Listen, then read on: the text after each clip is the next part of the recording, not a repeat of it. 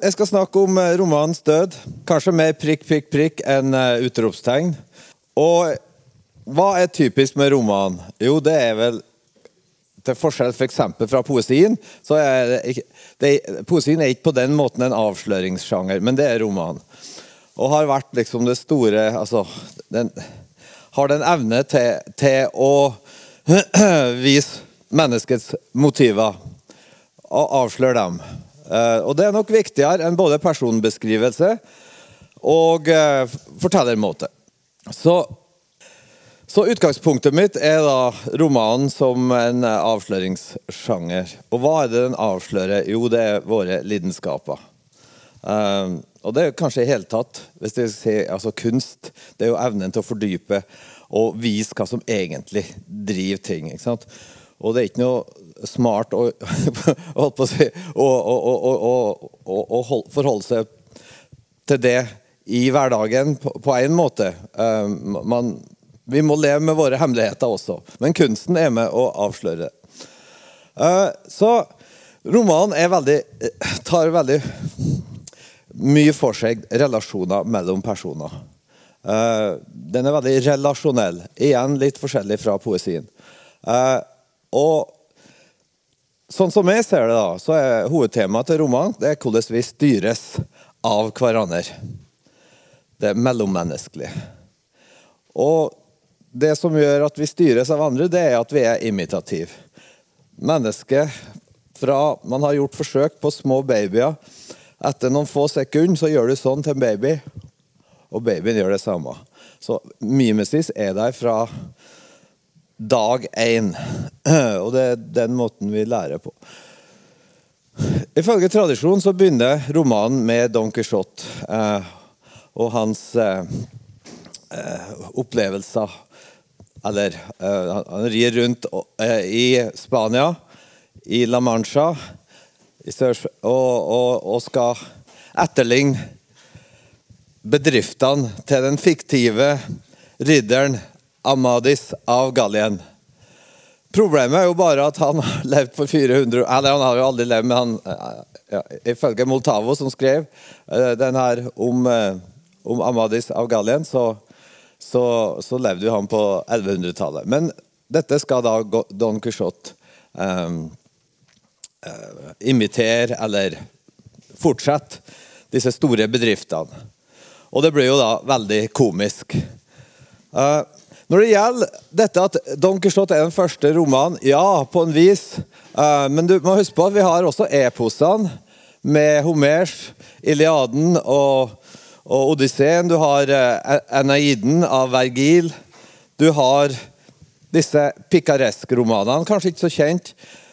Eller, den blir kanskje ikke kalt romaner. Det er en sånn forenkla versjon av liksom alt det en Pikaron, en fattig person, alt det han gjør går galt, liksom. Hvorfor Don Quijote blir regna som den første romanen, det tror jeg har litt med kompleksiteten. Og det at han leker mye omkring dette med hvem det er som skriver, kan vi stole på den som skriver, osv. Nesten litt nyromanaktig i, i måten uh, dette fremstilles på. Langt foran sin tid, kan man si. Ja. Så det komiske med Don Quijote er jo at sant, han er fullstendig på utafor sin egen tid. Han, han, lever i en annen tid, og folket rundt dem ser det og syns dette er bare veldig komisk. Uh, men hvis vi har sagt f.eks. en, uh, si en forfatterspire som drar ned til Paris og skal leve sånn som Hemingway beskriver i en varig fest Vi kan ha mange eksempler på dette i dag også. Og saken er jo det at vi, vi, alltid, vi imiterer alltid andre. Vi blir til gjennom andre. Vi er en sosial konstruksjon. Kanskje mer enn biologien, sjøl om biologien står veldig sterkt nå blant evolusjonsbiologer. og sånn, Men eh, jeg tror nok det er en liten motefase, akkurat det. Så i hvert fall, Don Quijote avslører komikken gjennom dette at han skal være en ridder. 400 eh, år etter riddertida. Um, men det som romanen viser, og den viser fantastisk godt, det er at vi ter oss etter modellene våre. Og så er dette upward mobility. Ikke, Har vi et godt ord for det på norsk? Altså det å, å skal komme seg opp og fram i livet. Uh, Don Quijote er jo et klassisk eksempel. Og veldig mange romaner dreier seg om akkurat det der. Nesten alle romanene innenfor den realistiske sjangeren, realismen, er, er vel egentlig støpt i, i, i, forhold til dette begjæret etter å gjøre suksess og ære og, og, og de tingene der. Um, så denne dragningen mot andre mennesker som, romans, som jeg ser som romanens store forse, uh, og som, som, vises da i Don Quijote på den måten at Don Quijote blir mer lik Sancho, og Sancho blir mer lik Don Quijote. Det er klart De preges av hverandre når de drar og rir gjennom eh, rundt om i Spanias landskap. Ja.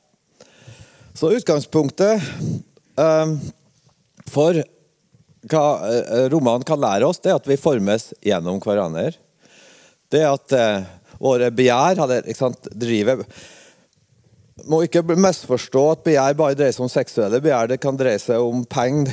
Dreie, altså alt dette på en måte hva modellen eh, vekker av begjær i oss. Og dette er romanen veldig sterk på. I så mange uh, romaner så ser man hva, hva andre ønsker seg, og ønsker det samme sjøl. Altså dette med å strebe oppover. Um, og vi formes gjennom andres påvirkninger. At mennesket er ikke en fast kjerne, men uh, veldig regulerbar ut fra hvordan mennesker man omgås, og hvordan man på en måte kognitivt tar opp i seg disse påvirkningene. Så dette med modeller er jo veldig viktig. Og Modellen til Don Quijote er jo Amadis av Gallien fra 1100-tallet. Så på den måten så er vi ikke så fri som vi tror. Vi er fanga av hverandre. Men vi kan bli frigjort hvis det, vi har gode modeller. Så kan det være egentlig den, den, på, på, en måte den beste veien til frigjøring. Men det finnes ikke et frigjøring i et isolat, for å si det sånn. Og det er også en av romanens styrker. Og det jeg sier nå, er jo ganske påvirka av Stanford-filosofen, nå avdøde René Girard. Eh, som snakker om at våre begjær er forma etter andres begjær. Eh, mennesket er ikke en autonom, altså en sjølstyrt størrelse. Vi vil ha det andre vil ha. Det vet alle som har unge, som har unger, eller som i hele tatt har når du blir virkelig kjent på folk på grunnivå. Romanens store styrke er da utforskninga av blindsonene. Eh, så der, og Det er jo særlig disse klassiske romanene. Det vil si at f.eks. den typisk rom, romantiske um, roman der blir mer hovedhelten liksom hausa opp, og han påvirkes ikke av noen. og Hvis han gjør det, så, er, så vinner han alltid over. Men dette avsløres i mange av de beste romanene fra og med eh, Don Quijote og framover.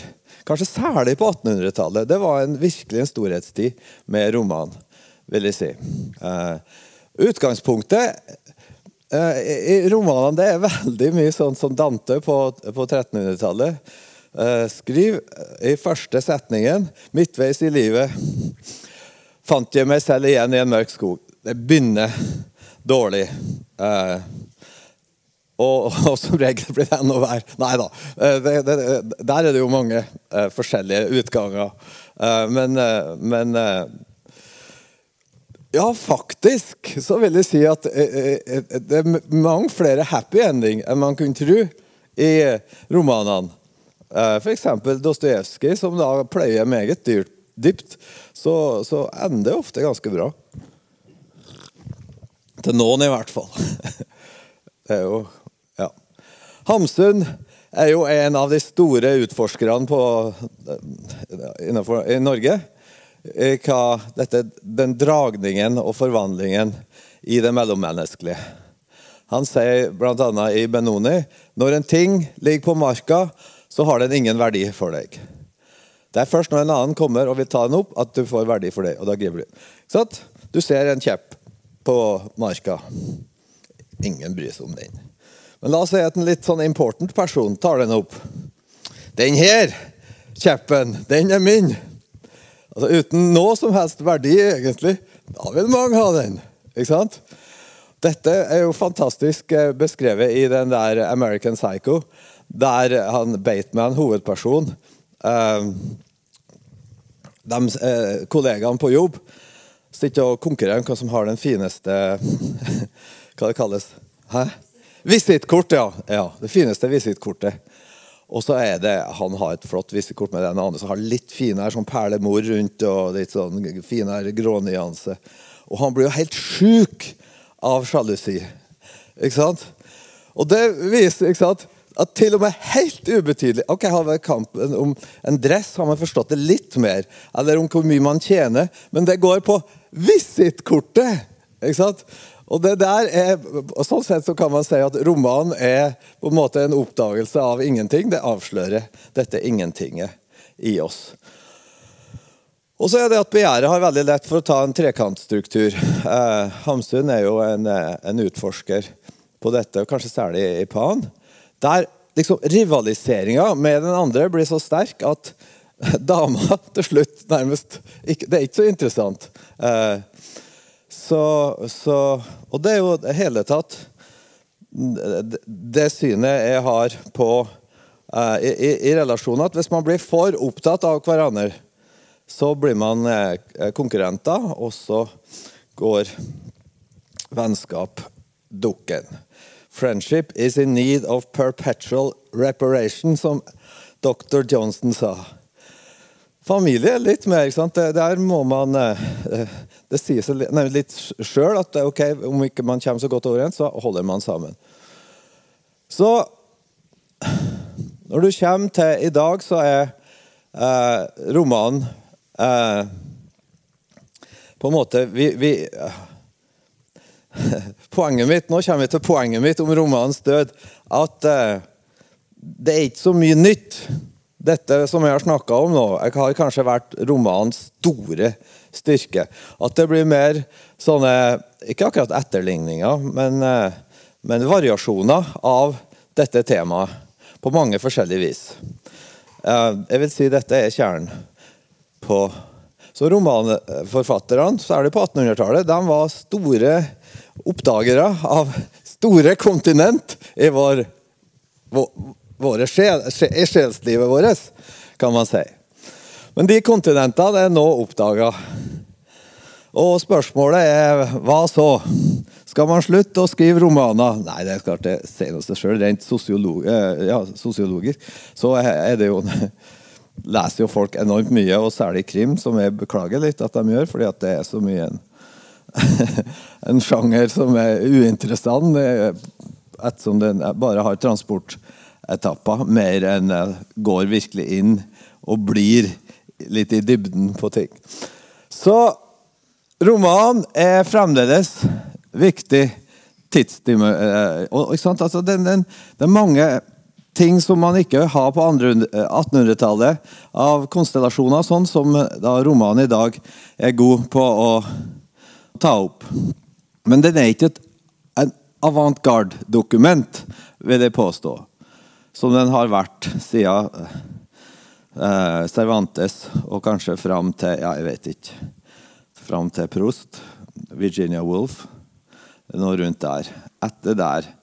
Nyroman, eh, der man liksom leker seg med sjangeren med Michel Butour og, og Claude Simone og sånn. Eh, det virka ikke som den var sterk nok. For den trua på en måte litt eh, den realistiske romanen. Jeg var ikke så opptatt av tid og kronologi. og og var veldig sånn hypereksistensialistisk, egentlig. Men den, etter mitt syn så var den for lite mimetisk. Uh, ja. Um, et av de beste eksemplene på hvordan man raffinerer denne innsikten om begjæret etter andres begjær, det syns man finner i Solstads roman 'Gymnaslærer Pedersen'. Her har vi en ung Dag Solstad. som eh, da beskriver om uh, uh, uh, Hva het han som Fjord? Nei, hva het han hovedpersonen? Jo, Knut Pedersen, ja. Ikke tilfeldig, ikke sant? Knut Pedersen. Hamsun heter jo Knut Pedersen. og at omvendinga hans til, til, til AKP-ML den skjer ikke ved at han har sittet og lest Marx om, kapitalen i, i, i månedsvis. Nei, det skjer gjennom andre. Det første det skjer gjennom Det er Werner Ludal, som er en ung, kortklipt, dynamisk, eh, sjøle, veldig sjøle... Eh, hva skal jeg si sterk da, person. Som eh, da den teoretiske Knut Pedersen, som nettopp kommer og har uh, skrevet sin hovedoppgave og, og, har blitt lektor, og det er liksom det høyeste han kan komme, nærmest føler han. Og så begynner han å se at han, Werner Ludal er veldig aktiv i AKP-ML og begynner å bli tiltrukket av dette. Men det er mer dragningen mot han enn mot ideologien. Så når folk sier at gymnaslærer Pedersen er nærmest et kommunistisk manifest, så vil jeg si nærmest det motsatte. Jeg begynte å la blikket gli etter dem, altså disse AKP-erne, og særlig etter den kortklipte lederen deres, Werner Ludal. Særlig lot jeg mitt blikk flakke etter den kortklipte Werner Ludal, inntil det fant ham i skolegården et sted. Også eh, Werner Ludal han, det går jo ikke bra for han ifølge da, ideologien. Han blir sosialdemokrat til slutt. Men så er en arbeider som heter Jan Klåstad. Som da, Der er jo også sånn trekant. Han tar over eh, kjæresten til Knut Pedersen. Og, og sånn. Men det, er, det som er det mest interessante, det er jo den fascinasjonen som Knut Pedersen har overfor Jan Klåstad. Jeg forsøkte å se gjennom Jan Klåstads øyne. Jeg prøvde å sanse som han, oppleve på samme måten som han. Jeg tenkte hvordan ville Jan Klåstad oppleve akkurat dette? Og så prøvde jeg å oppleve det sånn. Og dette var ikke noe jeg gjorde under en kort periode, da jeg hadde fått en plutselig altomslukende interesse. Men det var noe som var mitt daglige liv i fire samfulle år. Det var mine langvarige læreår. Jeg underkasta meg fullstendig min mester for å oppnå en forvandling av min personlighet. Jeg tør påstå at jeg var han underdanig. Jeg kan ikke huske at jeg noen gang har sagt han imot. Tvert imot så var jeg vel mer kjennetegnet av at jeg gjentok det han hadde sagt, ordrett, og svært fornøyd med meg sjøl. Når han sa noe jeg fant urimelig, protesterte jeg ikke, men svelga det i all stillhet. Og gikk og grubla for meg sjøl til jeg fikk tolka det slik at det falt inn i et system som gjorde tankegangen hans naturlig. Dette er jo et fantastisk eh, beskrivelse av det imitative i våre liv. Eh, vi har alle våre modeller. Den innsikten som Solstad da viser, ikke bare i, i, den boka, men kanskje særlig i den boka, eh, det er at hva er det som egentlig driver oss? Er det på en måte ideer, eller er det andre mennesker? Og, og dette med andre mennesker Et moderne menneske vil jo være påvirka av alt mulig. Sjøl om det sikkert har en, liksom, man kan koke det ned til en tre, fire, fem, seks hovedideal. da. Og da er ikke liksom ja, hvem er idealet? Jo, nei, det er Nelson Mandela og, og, og sånn og sånn. Det kan djupest sett drive deg. Så da menneskene på slutten av 1800-tallet, da de leste Dostojevskij, når de leste Flaubert, når de leste Prost, så var det egentlig nye ting som man ikke kunne finne i psykologien. Altså det er jo en av grunnene til at Freud hele tida går tilbake til myter og ikke minst litterære eh, forfattere, romanforfattere som Dostojevskij. Fordi at de har sett noe som på en måte han på en måte repeterer, men også selvsagt eh, er veldig innovativ. Um,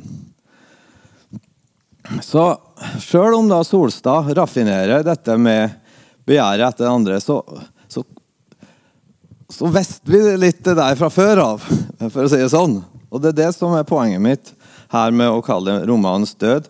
At romanen er ikke på samme måten en avantgarde-sjanger som den har vært. Og det kan være en fordel å bare innrømme det. ja. Romanen er fremdeles viktig. Eh, den gir ikke lenger grunnleggende ny innsikt. Nå sier ikke dette med full overbevisning, for plutselig kan det komme. Ja.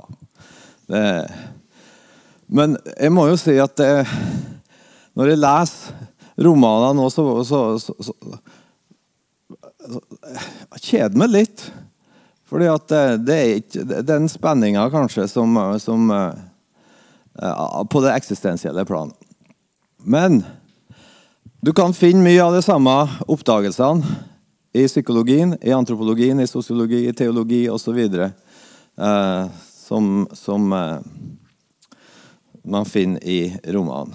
Eh, så det er ikke lenger en privilegert eh, sjanger.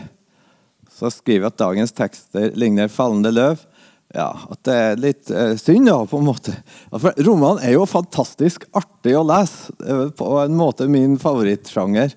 Men, men eh, til syvende og sist Og dere ser at dere merker jo det at jeg har ikke et estetisk forhold til til, til romanen. Jeg har et eh, Hva vi skal kalle det? Et, eh, rett og slett et eh, Nærmest et positivistisk forhold. Altså rett og slett hvor mye Brekk det helt ned. Hvor mye sier den om virkeligheten? rett og slett. Og Det betyr ikke at ikke estetikken er en hjelp til det. Men det er ikke der først og fremst den ligger. Heller ikke etikken. Uh, ja. Så romanen leses som aldri før, og, og, det vil være små fornyelser. Men den gullalderen er forbi. Den er ikke noe mer fornyende enn noen andre sjanger. Romanens høst. ja. Uh, så, så, det er en ubehagelig sannhet, og, og som på en måte kan uh, være en uh, en, en grei sannhet. Og Det forsøket for eksempel, i nyromanen til å skrive på en helt annen måte, det er jo prisverdig. Det er akkurat som med biler og sant, nye design og sånn og sånn. Men uh, det koker jo til slutt ned i hvor essensielt er dette. Det gjør, sånn sett så kan man egentlig se alle sjangrene, enten det er vitenskap eller uh, innenfor kunsten, som ett og det samme. Uh, ja. Så, ja, så jeg tror at romanens framtid, siste punktet der, vil i stor grad være ulike variasjoner av realismens romaner. Realismen er for meg det store høydepunktet.